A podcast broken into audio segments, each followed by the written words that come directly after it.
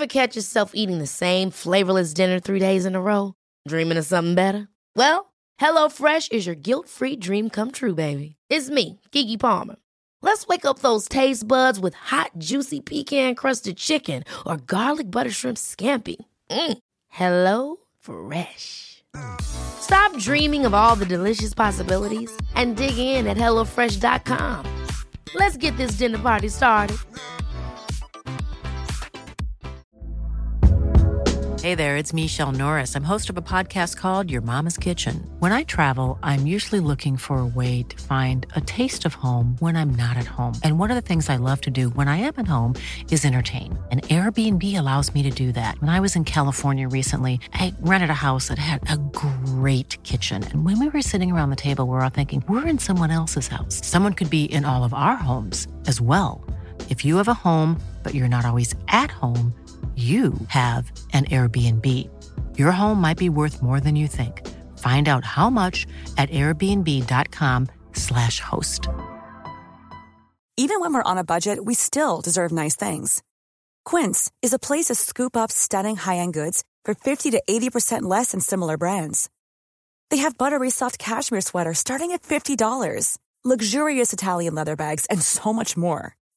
Plus, Quince only works with factories that use safe, ethical, and responsible manufacturing. Get the high-end goods you'll love without the high price tag with Quince. Go to quince.com/style for free shipping and 365-day returns.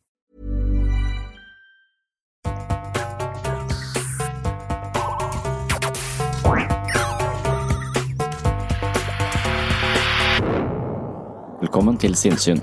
Jeg heter Sondre Risom Livre, er psykolog, og dette er Webpsykologens podkast.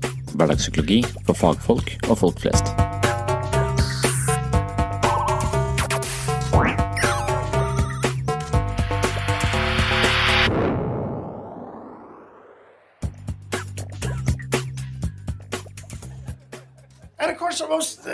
Things go with cell phone, I don't understand. Like a lady was telling me, a lady was upset with this routine the other night because she obviously people pride themselves on their phone. You know, she goes, "I take selfies. I got, I got a, I got a selfie stick." I said, "What?" That sounded nasty to me. she explained to me it's that stick people have because apparently they want a real good picture of themselves. What is that all about? You know, I know what I look like. I don't need to take a picture of it. What is this all about, you know? And it just sounds so nasty, doesn't it? What are you doing in Las Vegas? I'm in my room. With my selfie stick.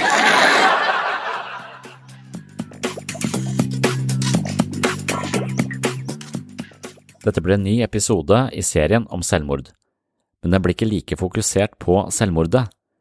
Jeg kommer til å snakke om tilhørighet, narsissisme, selfier og selvmord. Men først og fremst vil jeg fokusere på et bestemt psykologisk aspekt som forårsaker selvmord og selvmordstanker, nemlig en følelse av å være utenfor fellesskapet. Noen føler aldri at de går i samme takt som andre. Uansett hvor mange venner de har, er det en opplevelse av en usynlig vegg som hindrer nær kontakt. Selvmord er et trist tema, men det er også et tema som setter oss på sporet av de psykologiske komponentene som fører mennesker på villspor, og i verste fall helt ut av livet. I første segment skal jeg snakke om selvpsykologi og menneskets behov for tilhørighet. Det blir et kort utdrag fra en forelesning ved Universitetet i Agder. I andre segment skal jeg dykke dypere ned i teorien som går under navnet selvpsykologi. Det er Heinz Kohut som beskriver det tripolare selvet. Det er en fortelling om våre menneskelige behov fra barn til voksen. Vi har behov for å bli elsket, beundret og applaudert. Vi har også behov for gode forbilder vi kan se opp til og støtte oss på. I tillegg har vi et sterkt behov for å føle tilhørighet i en gruppe. Kohut snakker om det tvillingsøkende selvet som trenger å føle seg som et likeverdig og inkludert medlem av en flokk.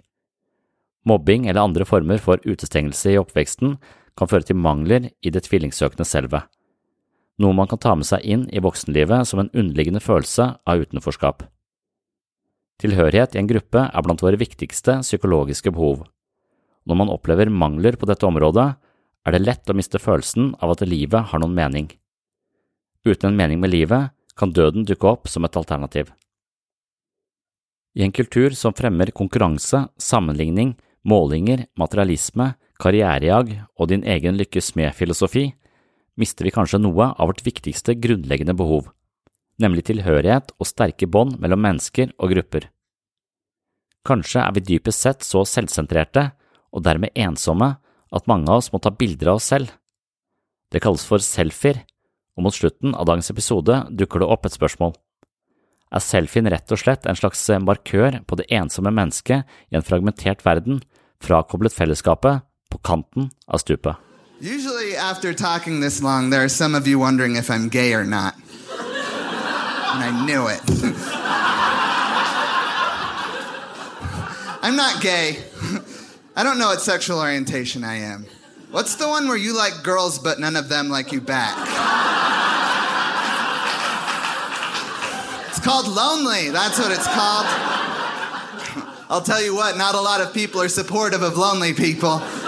They're like, look, you can be lonely in private, just don't be flamboyantly lonely in public. You're bumming us out, man.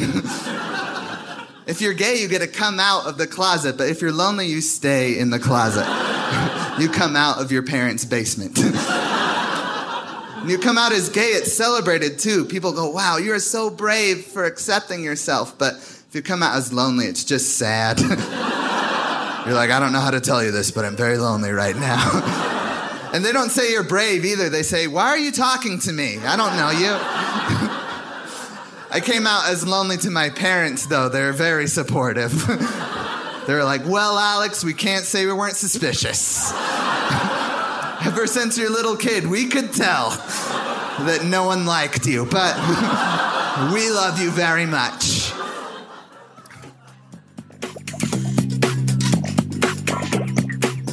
Det siste vi rekker eh, i dag, er det Heinz eh, Kohut. Heinz Kohut snakker også om eh, objektrelasjoner, og han snakker om eh, svikt i objektrelasjoner. hvor de relasjonene som vi har, svikter, svikter oss. Og det vi skal huske fra Heinz Kohut, er hans, han, mens Freud har dette id og ego og, og har en sånn topografi på menneskets syke, så har, så har Heinz Goet en litt annen topografi som også gir mening. Og jeg tenker at når du spør i stad om kan de forstå høydeskrekk som komplekser i, eller fikseringer i oralfasen, så er jeg veldig usikker på hvordan det skal gjøres. Jeg tror det er andre teorier som fungerer bedre til å forklare, forklare det. Og sånn opplever jeg de fleste teorier som mer eller mindre verktøy i verktøykassa vår. Altså noen opplevelser vi har, kan eh, på en god måte få en forklaring innenfor selvpsykologi, som er Heinz Goeth sin teori. Eh, eller objektrelasjonsteori, eh, som er Fairbairn og Winnicott. Men noe annet kan også kanskje forklares psykoanalytisk med Anna Freud. Og forsvarsmekanismene kan ofte gi en god forklaring på måter å være på og, og opplevelser vi har. Mens, så, så, så, jo flere sånne utviklingspsykologiske teorier vi kjenner til, jo flere verktøy har vi i verktøykassa vår til å forstå oss selv og andre, andre mennesker. Eh, og det tripolare selvet er det som eh, Heinz Koht eh, bidrar med. Og han snakker om, mye om Det kalles selvpsykologi, det som er hans retning i denne postfreudianske utviklingen. Og Heinz Goeth var også veldig opptatt av narsissisme. Narsissisme er denne Det er jo å være selvsentrert, på en måte. Være opptatt av seg og, seg og sitt. For meg så virker det som om all utviklingspsykologi handler om en, eh, en mindre og mindre narsissisme. Eh, når vi er barn, så er vi opptatt av eh, å bli sett, og vi trenger alt. Vi er totalt selvsentrerte. Mens langsomt, så hvis vi blir behandla bra, og vi kommer over i den depressive fasen, og ikke bare får kjeft og, og, og, uro, men får lov til å, å, klare å komme gjennom de ulike fasene på en god måte, så vil vi langsomt ha kapasitet for omsorg, som, som Bion kalte det. Vi vil klare å innta flere og flere perspektiver. Så det å bli voksen handler om å innta flere og flere perspektiver. Jeg kan se at det, det er meg og mine behov, men så er det faktisk deg og dine behov jeg også må ta hensyn til. Så jeg må ta hensyn til familien min, så må jeg kanskje ta hensyn til klassen min, fotballaget, nabolaget, Kristiansand, Agder, Norge, verden. Uh, og verden, da bør det være verdens uh, leder. Uh, og jeg tipper at man kan nesten da merke på hvor graden av narsissisme, på hvor, hvor, stor omtanke og forståelse du har for andres perspektiver og vidt du griper. Du kan være egosentrisk. Etnosentrisk er meg og min gruppe. Så er du verdenssentrisk. Jeg forstår på en måte alle disse grupperingene i en større helhet. Så har vi da en verdensleder som er på det mest narsissistiske og banale stadiet. Man har kun ett perspektiv, og det er seg sjøl. Mens vi hadde en som var mye høyreutviklet tidligere i USA. Så, så, all utvikling handler om en, en, en mindre og mindre narsissisme. Mens, eh, mens, Freud så på narsissisme på denne måten, at han så på narsissisme som en uting, noe vi skulle vokse forbi. Mens eh, Heinz Koetz eh, ser mer på narsissisme som Det finnes også en sunn narsissisme. Det finnes en, en, måte å få dekt sine behov på bli møtt med kjærlighet og omsorg og beundring og anerkjennelse.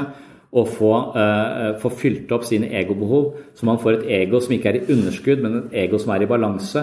Og det er dette ego i balanse hvor du er glad i deg selv, du elsker deg selv på en sunn måte, som gjør at jeg ikke trenger noe fra omgivelsene for å få det jeg må ha. Jeg er ikke en sånn vampyr som prøver å søke anerkjennelse og oppmerksomhet fra alle andre, type fiksering i oralstadiet. Men Eh, men jeg er i balanse, og da vil ikke behovet mitt være å få masse fra, fra omgivelsene mine, men behovet vil være mer å gi. Så du går fra narsissisme til altruisme og, og måtte gi noe. Så et ego i balanse vil ikke trenge så mye, men vil ha kapasitet til å være genuint interessert i folk eh, rundt seg. Og ikke da for Mange sier at jeg tenker bare på andre og aldri på meg selv. Ofte så er det en utsagn fra mennesker som er sykt opptatt av å bli likt av andre, eh, og dermed tenker bare på andre for å bli likt. Så det er en, eh, slags vikarierende ego. Det er en følelse av at jeg må jo bøye meg baklengs for at andre skal, skal like meg. Mens en, en, en, veldig moden person vil ha en genuin interesse eh, for, for, andre, og ikke bare for å bli likt. så der er det en, en forskjell. Og det tripolare selvet til, eh, til Heins kor det består av ambisjonenes pol, eller det grandiose selvet, som det også kalles, idealenes eh, pol og det tvillingsøkende selvet. Eh, og den grandiose delen det handler om at foreldrene applauderer og beundrer og ser på disse små menneskene som det største og mest fantastiske i hele verden. Jeg er stor, jeg er sterk, og, og, og jeg er fantastisk. Det å få den opplevelsen, det vil man nesten se på som en slags La oss si disse tre selvene er eh, kopper som vi har inni psyken vår. Og hvis vi får masse beundring og blir sett på som storarta og elsket, så vil vi få uh, en god porsjon uh, påfyll her sånn og være, uh, ha, rikt, ha mye av det. Og da vil vi ikke gå ut i livet med et underskudd hvor vi hele tiden trenger andres beundring og applaus og, og, og kjemper en evig kamp etter anerkjennelse, status og flere likes på Facebook. Fordi vi er i balanse. Så denne kampen om og anerkjennelsen vil avta og være en mye mer avslappende måte å leve, eh, leve på. Eh, så, så, det er eh, den grandiose polen. Idealenes pol handler om at vi også trenger noen forbilder. Vi trenger noen å se opp til. Du er sterk, du er stor, du tar vare på meg, jeg assosierer på meg. Siden du er stor, så er jeg også stor. Så det, handler om å ha noen trygge eh, forbilder å, å forholde seg, seg til. Eh, og etter hvert som vi eh, vokser opp, type tre år og, og tre-fire år, så begynner man å orientere seg ut fra kjernefamilien. Det er ikke bare de nærmeste eh, som får en betydning, men langsomt så vil altså eh, foreldrene Sånn som Freud, fem-seks år, så får foreldrene kanskje mindre eh, betydning. De har fortsatt en veldig stor betydning, men da er det jevnaldrende som, som får en veldig stor eh, betydning. Og, og da er det det tvillingsøkende selve som, som, trenger på en måte påfyll. Og det tvillingsøkende selve det handler om at det er viktig for oss å føle oss lik andre mennesker.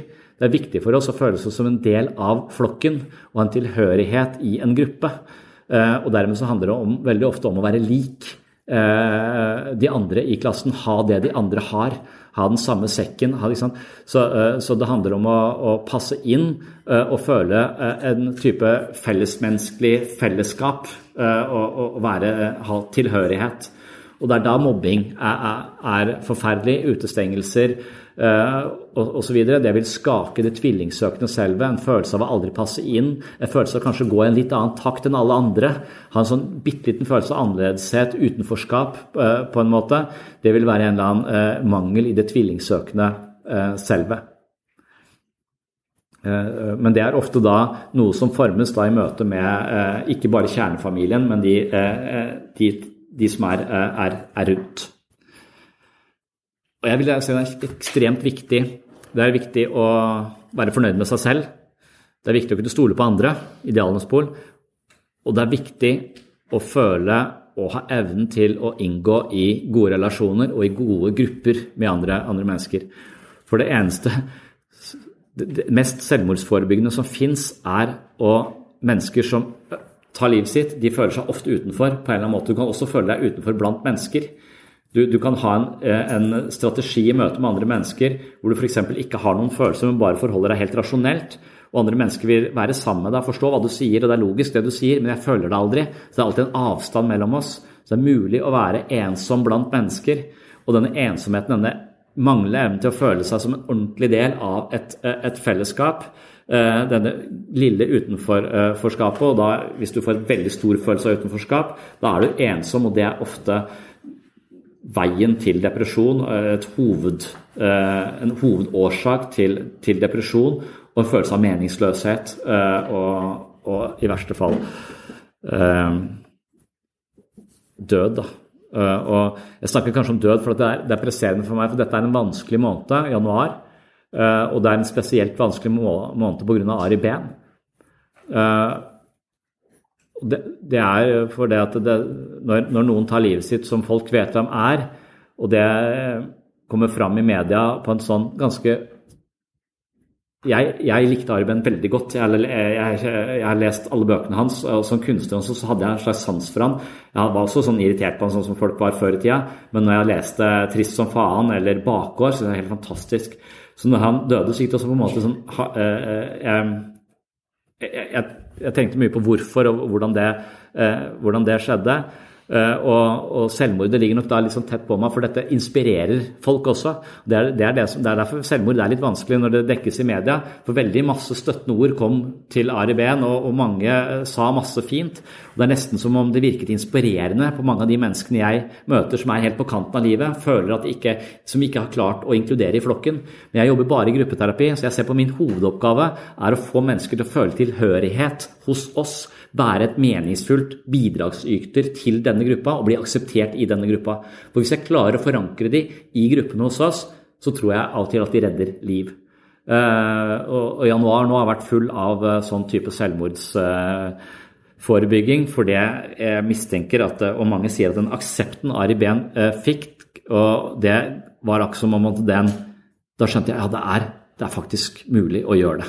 og, og mens faktum er at hver gang noen tar sitt eget liv, så setter de fra seg alle posene.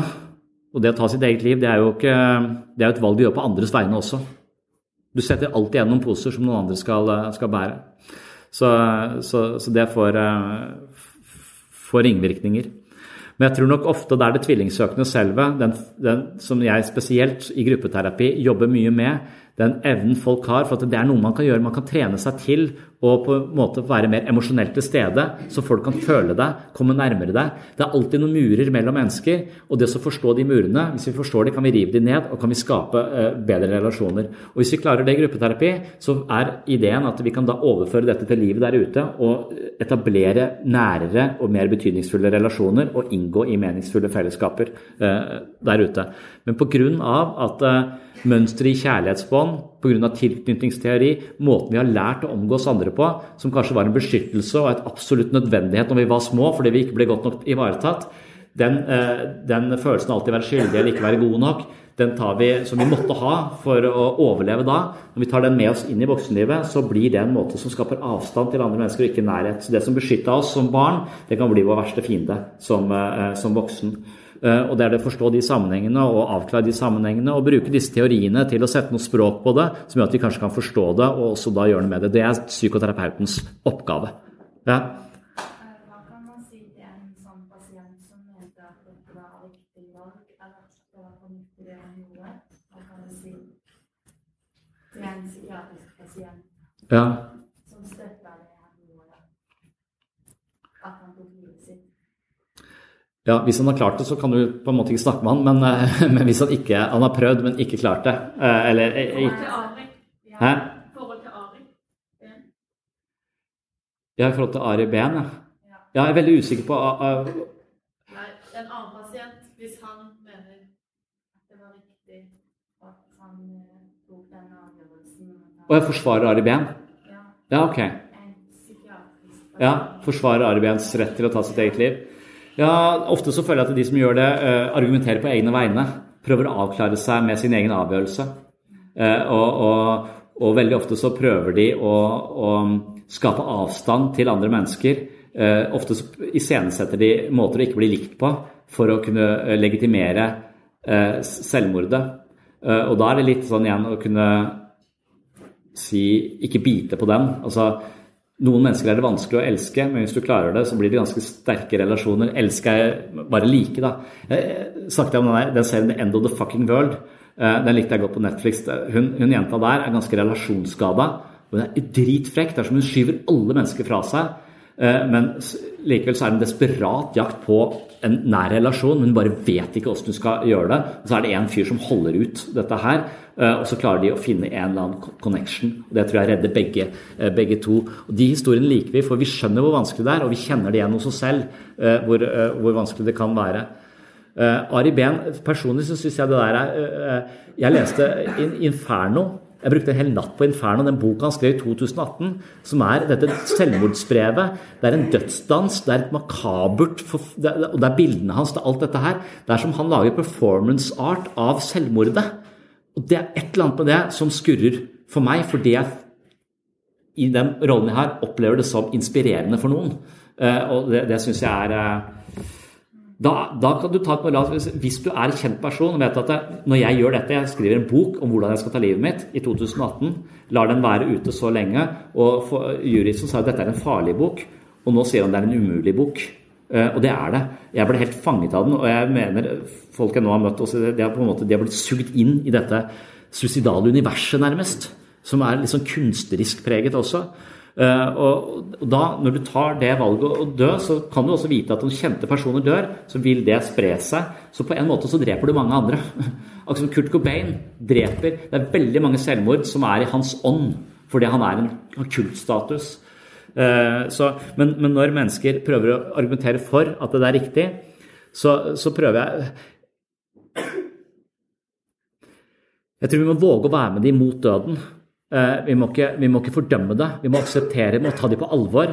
Eh, og, og, men vi, vi må jeg, jeg mukker aldri fra det standpunktet jeg har om at det er eh, alltid, når det i hvert fall det gjelder psykisk lidelse, en form for fundamentalisme.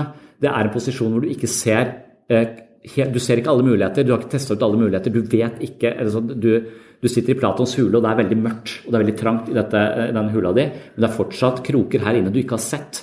Og jeg prøver først å lytte til hvordan det ser ut der du er, prøve å forstå det, relatere til det, men så prøver jeg også å bruke lommelykt. Men se der borte, har du vært der egentlig?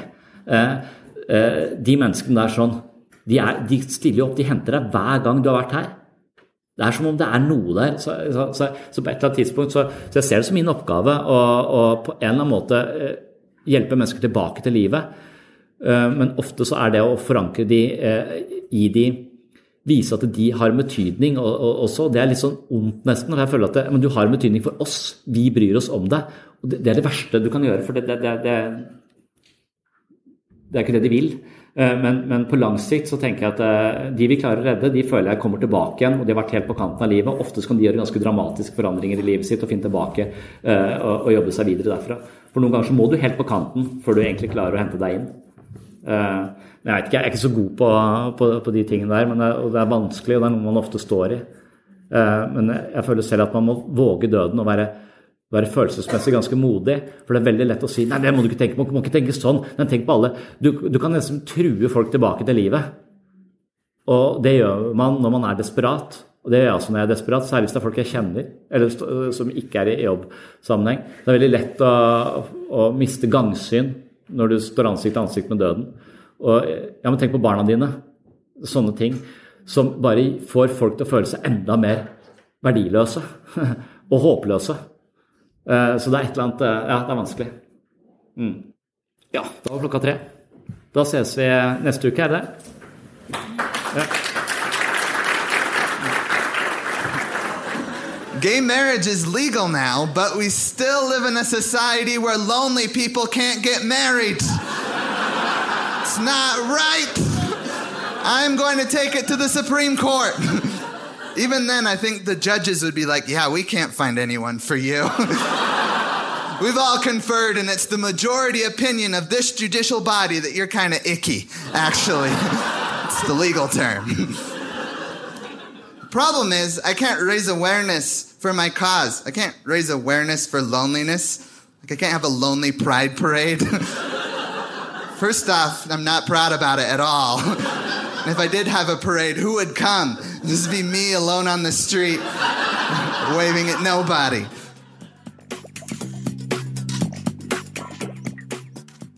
Freud mente at mennesket var styrt av dyriske drifter, mens Kohut mente at mennesket motiveres av streben etter fylde, helhet, harmoni og opplevelse av mening. Hva ligger egentlig i kjernen av vårt psykiske liv? Hey, I'm Ryan Reynolds. At Mint Mobile, we like to do the opposite of what Big Wireless does. They charge you a lot, we charge you a little. So naturally, when they announced they'd be raising their prices due to inflation, we decided to deflate our prices due to not hating you. That's right. We're cutting the price of Mint Unlimited from $30 a month to just $15 a month. Give it a try at mintmobile.com slash switch. $45 upfront for three months plus taxes and fees. Promo rate for new customers for limited time. Unlimited more than 40 gigabytes per month. Slows. Full terms at mintmobile.com. Hold up. What was that? Boring. No flavor. That was as bad as those leftovers you ate all week. Kiki Palmer here, and it's time to say hello to something fresh and guilt-free. Hello Fresh. Jazz up dinner with pecan-crusted chicken or garlic butter shrimp scampi. Now that's music to my mouth. Hello Fresh. Let's get this dinner party started. Discover all the delicious possibilities at hellofresh.com. Life is full of what ifs. Some awesome, like what if AI could fold your laundry? And some, well, less awesome, like what if you have unexpected medical costs? United Healthcare can help get you covered with Health Protector Guard fixed indemnity insurance plans. They supplement your primary plan to help you manage out of pocket costs. No deductibles, no enrollment periods, and especially no more what ifs. Visit uh1.com to find the Health Protector Guard plan for you. Heinz Kohut står bak en teoretisk og terapeutisk retning som kalles for selvpsykologi. Kohut var lenge en anerkjent skikkelse innenfor tradisjonell psykoanalyse, men brøt etter hvert med en del av konseptene i den analytiske tradisjonen. Blant annet gikk han delvis vekk fra Freuds opprinnelige teori om id, ego og superego. Kohut la også mer vekt på empati og terapeutens evne til en genuin innlevelse i pasientens opplevelsesverden. Kohut opererer med en teori om selve som på sett og vis utgjør grunnpilarene i menneskets psykologiske liv. Selve er avhengig av å bli bekrefta, speila og relatere seg til empatiske omsorgspersoner for å utvikle seg på en god måte. Man må bli sett, bekrefta og elsket av betydningsfulle andre for å utvikle en indre trygghet og et sammenhengende selvbilde. Svikt i oppvekstmiljøet kan skade selve, og dermed forårsake mangler eller et slags psykisk underskudd som senere kan manifestere seg i symptomer og psykisk ubehag. Kohut snakker om selvet som kjernen i vår menneskelighet. Et stabilt og sammenhengende selv organiserer våre opplevelser, følelser og tanker på en måte som skaper oversikt og en følelse av sammenheng og helhet i tilværelsen. Et skada selv evner ikke å integrere nye opplevelser på en tilfredsstillende måte, og resultatet blir en følelse av mangel på sammenheng, fragmentering og eventuelt plutselige følelsessvingninger og manglende evne til å regulere eget følelsesliv, og dermed problemer i relasjon til andre. Kort beskriver selvet i forhold til tre ulike poler, derav navnet det tripolare selvet. Hver pol i selvet har en del grunnleggende behov som må dekkes for en optimal utvikling. Et av disse behovene handler om å føle en viss grad av likhet med andre mennesker. Denne polen kaller han det tvillingsøkende selve. Gjennom samhandling og bekreftelser fra andre mennesker som ligner oss, vil individet føle aksept og fellesskap. I terapi, og spesielt gruppeterapi, møter man ofte mennesker som føler at de er helt alene med sine problemer. De tror eksempelvis at de er alene om angsten eller tvangstankene, men oppdager i dialog med andre at disse symptomene er et fellesmenneskelig fenomen. En slik erkjennelse er ofte helende i seg selv, nettopp fordi individet kommer til å føle seg mer alminnelig eller lik sine medmennesker. Vi er sosiale vesener og har et behov for å føle likhet og union med andre mennesker. Et mer hverdagslig eksempel er barns behov for å ha en bestevenn. En bestevenn som deler flere av barnets interesser og egenskaper, demper menneskets frykt for å være annerledes, utenfor og alene. Frykten for å være alene eller isolert på grunn av en dyptgripende følelse av å ikke passe inn, er et av de tyngste eksistensielle problemene et menneske opplever. Det tvillingsøkende selvet er derfor orientert mot likesinnede og nærer på bekreftelse fra bestevenner og gode relasjoner til betydningsfulle andre. De to andre eh, konfigurasjonene i Kohts forståelse av mennesket selv blir kalt det grandiose selve og det idealiserte selve. I sitt teoretiske arbeid har Koht lagt mest vekt på disse to polene, og nettopp denne konstellasjonen har han kalt det bipolare selve. Det grandiose selve har et eh, iboende behov for å bli anerkjent og beundra av andre. Når det gjelder eh, psykologisk utvikling, er det flere teorier som eh, direkte eller indirekte sier at barn har behov for ubetinget kjærlighet, omsorg og ros for å utvikle indre trygghet og solid selvfølelse. På sett og vis må man bli elsket av andre for å elske seg selv. Å elske seg selv handler i så henseende om en sunn tro på sin egen verdi og egne evner noe som skaper trygghet og selvtillit, og dermed overskudd til å skape et meningsfullt liv for seg selv og andre. Fra naturens side har barn en forventning om å bli empatisk speilet, forstått og anerkjent av sine omsorgspersoner. KUT refererer barns umodne behov for andres innlevende bekreftelser som ekshibisjonistisk. Det handler rett og slett om at barnet tidlig i livet ønsker å bli satt høyt, og de har ofte fantasier om å være verdens midtpunkt, noe som ofte assosieres med konger og prinsesser. Psykologisk sett er det derfor ikke så merkelig at små barn tiltrekkes av prinsesser og eventyr med uovervinnelige helter. Kout beskriver selve som psykiske strukturer som sørger for at tanker, følelser og opplevelser ikke oppleves stykkevis og delt, men integreres på en slik måte at vi opplever sammenheng og helhet i vår kontinuerlige strøm av bevisst liv. Koht snakker om at alle mennesker har narsissistiske behov, altså behov for andre mennesker som speiler deres verdi og legger grunn for en stabil selvfølelse og tro på egne evner. I sitt senere arbeide begynte Kohut å snakke om selvobjektsbehov istedenfor narsissistiske behov. Ifølge Kohut skal vi forstå selvobjekter som et sett av objekter vi opplever som uløselig knyttet til vårt eget selv. Et selvobjekt er den funksjonen og betydningen et annet menneske, et dyr, en ting, en kulturmanifestasjon eller en idétradisjon har for opprettholdelsen av ens følelse av å være et sammenhengende og meningsfullt selv. Et av selvobjektenes viktigste funksjoner handler om å speile og bekrefte barnets grandiose fantasier på en balansert måte. Dersom dette behovet sviktes, trues utviklingen av det grandiose selvet. En mulig konsekvens av denne typen eh, skjevutvikling kan være et eh, vedvarende mønster av umodne, ekshibisjonistiske og grandiose fantasier om å være allmektig, perfekt og beundret også i voksen alder. Barna har ikke fått nok og vil eh, bli etterlatt i de premature fantasiene med et udekt behov for å bli beundra. Når de viktige selvobjektene, først og fremst da foreldrene, mislykkes i å gi adekvate responser på barnets grandiose behov, risikerer man også at barnet senere i livet får problemer med å regulere seg selv i forhold til andre mennesker og eget følelsesliv. Dersom dette skjer, betyr det at individet blir avhengig av kontinuerlige bekreftelser fra andre, noe som gir seg utslag i en overdreven selvhevdelse. På denne måten utvikler ikke individet et selvforsynt og trygt kjerneselv, men lever et liv i underskudd og et evig jag etter å bli beundra og sett. Individet klarer ikke å bekrefte seg selv eller hvile i seg selv, men må ha andres beundring. Livet blir dermed en kamp for applaus, og faren er at vedkommende blir opplevd som selvgod, narsissistisk, egoistisk og lite empatisk eller hensynsfull i forhold til andres behov. Mangler i det grandiose selve kan altså utvikle seg i retning av narsissistiske forstyrrelser i den voksne personligheten. På samme måte som barn har et behov for å bli bekrefta som perfekte av viktige selvobjekter, har de også et naturlig behov for å oppleve selvobjektene som perfekte.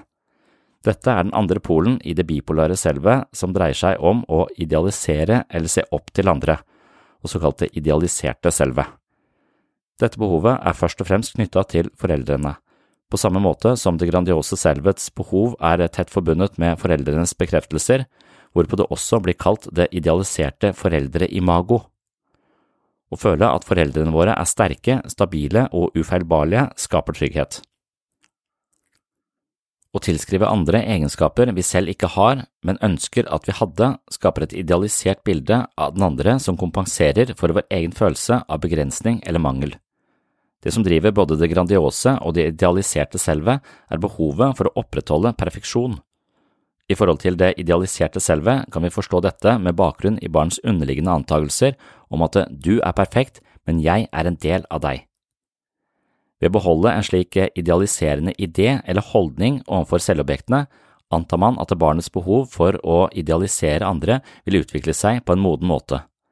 De to andre selvobjektsbehovene knyttet til det grandiose og det tvillingsøkende selvet vil på lignende vis utvikle seg til stadig mer modne nivåer dersom barns behov blir møtt på en balansert måte.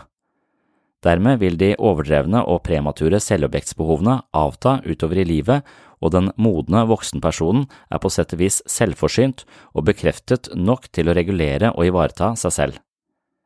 Det gir videre overskudd til å bekrefte andre og fungere godt og empatisk i mellommenneskelige relasjoner. Individet vil oppleve indre trygghet og evnen til å stole på andre. Imidlertid er det slik at de idealiserte selvobjektsbehovene ikke alltid blir møtt på en tilfredsstillende måte. Omsorgssvikt, adskillelse, neglekt, ustabilitet, mye konflikt, krangling, sykdom og død kan føre til at barnets selvobjekter svikter. Dersom selvobjektene ikke evner å møte barnets grunnleggende behov, vil behovene forbli udekte, og barnet går gjennom livet med en stadig streben etter å få dekt sine arkaiske fornødenheter. Det kan resultere i umoden atferd og mangel på indre trygghet. I en terapeutisk situasjon møter man stadig mennesker som har grunnleggende mangler i det KOUT kaller selvet.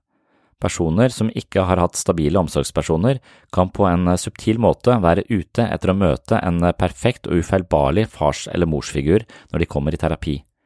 Flere terapeutiske skoler har advart mot pasienters idealisering av sin terapeut, da de mener det kan avstedkomme en regressiv og uheldig avhengighetsdynamikk i behandlingsprosessen. Men mange terapeuter med en forankring innenfor selvpsykologi vil være uenig i dette. Her vil man eh, heller si at dersom pasienten idealiserer sin terapeut, øker behandlingseffekten. Ideen er at eh, tidlige, udekte og sviktende selvobjektsbehov må tilfredsstilles for å gi klienten en eh, tiltrengt følelse av helhet og indre stabilitet. Derfor har man i senere tid avvist advarselen om idealisering i terapi, og isteden konsentrert seg om å utnytte potensialet i en slik idealisering for å skape en god og helbredende allianse med pasienten. Kartrud og Urnes eh, stadfester dette i sitt omfattende verk om personlighetsforstyrrelser. Leger som arbeider innenfor somatikken, vil vanligvis få eh, mye av denne speilingen eller idealiseringen fra sine pasienter fordi det ligger nedfelt i selve lege-pasient-forholdet i kulturen. En helende relasjon vil etter vår mening alltid preges av idealisering. Innenfor akademisk medisin kalles idealisering placebo. Det var da sitat fra boken til Karterud og Urnes. Under normale omstendigheter vil det arkaiske, grandiose og ekshibisjonistiske selvet stimuleres slik at det finner en god balanse uten en skrikende mangel på anerkjennelse, og behovet for en idealisert annen vil bli møtt på en adekvat måte av foreldrene. På denne måten utvikles det Kohut kaller et integrert og konsolidert kjerneselv, som sørger for en stabil balanse i de strukturene som representerer det organiserende prinsippet i vårt psykiske liv. Ideen til Kohut og de andre postfreudianske tenkerne skiller seg fra Freud ved å vektlegge at mennesket alltid dannes i samspill med andre. Selvet er relasjonelt, og relasjonene blir toneangivende for vårt eget indre liv. Da er det åpenbart at gode relasjoner, tilhørighet og en slags kollektivistisk orientering vil være av betydning for menneskets ve og vel. I vår kultur kan det virke som om vi går andre veien. Individualisme og konkurranse preger mye av livet vårt, noe som unektelig går på bekostning av relasjoner. Kanskje er det nettopp fokus på individualisme som avstedkommer en følelse av fragmentering og mangel på tilhørighet. Eksistensfilosofer snakker om en tiltagende følelse av fremmedgjøring i vår tid. Verden står nå overfor problemer vi ikke kan løse med fokus på oss selv eller i konkurranse med andre. Skal vi redde planeten, må vi stå sammen på tvers av landegrenser, religiøs tilhørighet og etnisitet. Det er behov for utvikling av et globalt tvillingsøkende selv, men i en tid som går i motsatt retning, virker dette som en utopi. De fleste av oss er flasket opp på materialisme, individuell måloppnåelse, høye krav til egne prestasjoner, og mye av dette går på bekostning av et sosialt eller mellommenneskelig fokus. Kanskje er vi så ensomme at vi ikke finner noen som kan ta et bilde av oss, hvorpå gjør det selv og kaller det for en selfie. Standup-komikeren Sebastian eh, Maniscalco kaller det Taking a Lonely.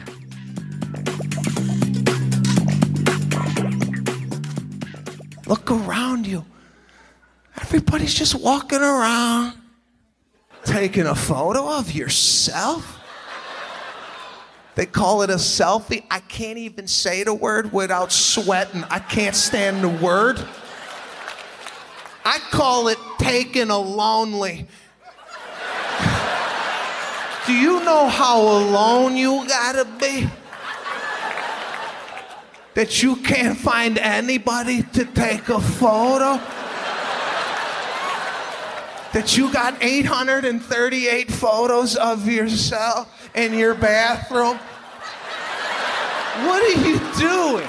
What are you doing?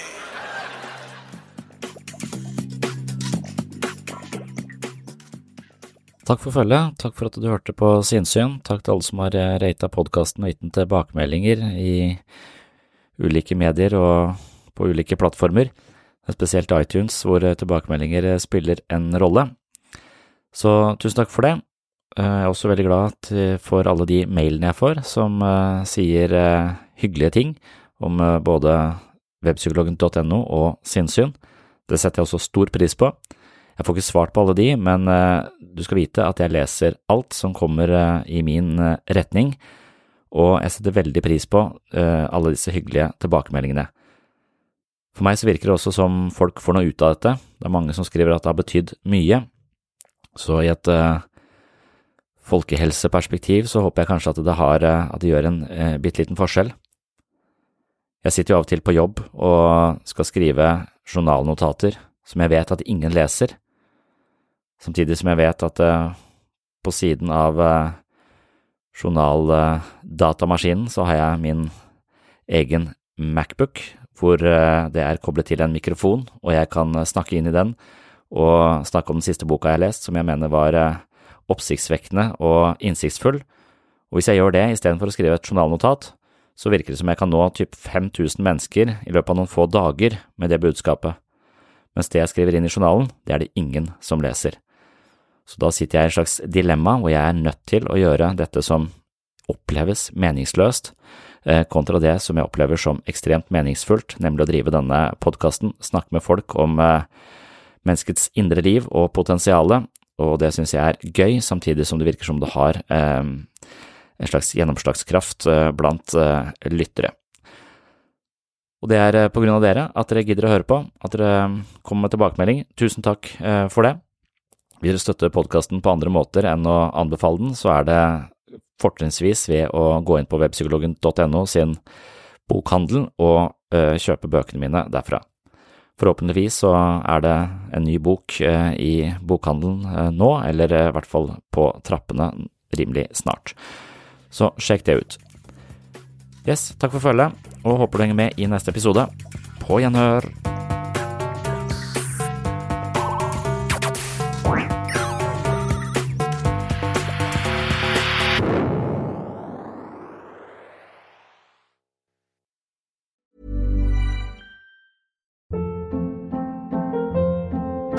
Hold up. What was that? Boring. No flavor. That was as bad as those leftovers you ate all week. Kiki Palmer here, and it's time to say hello to something fresh and guilt-free. Hello Fresh. Jazz up dinner with pecan-crusted chicken or garlic butter shrimp scampi. Now that's music to my mouth. Hello Fresh. Let's get this dinner party started. Discover all the delicious possibilities at hellofresh.com. Even when we're on a budget, we still deserve nice things. Quince is a place to scoop up stunning high-end goods for 50 to 80% less than similar brands.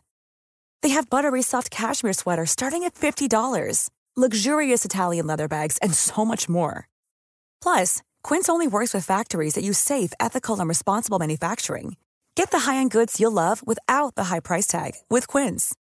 Go to quince.com slash style for free shipping and 365-day returns. Mom deserves the best, and there's no better place to shop for Mother's Day than Whole Foods Market. They're your destination for unbeatable savings, from premium gifts to show-stopping flowers and irresistible desserts. Start by saving 33% with Prime on all body care and candles. Then get a 15-stem bunch of tulips for just $9.99 each with Prime. Round out Mom's menu with festive rosé, irresistible berry chantilly cake, and more special treats. Come celebrate Mother's Day at Whole Foods Market.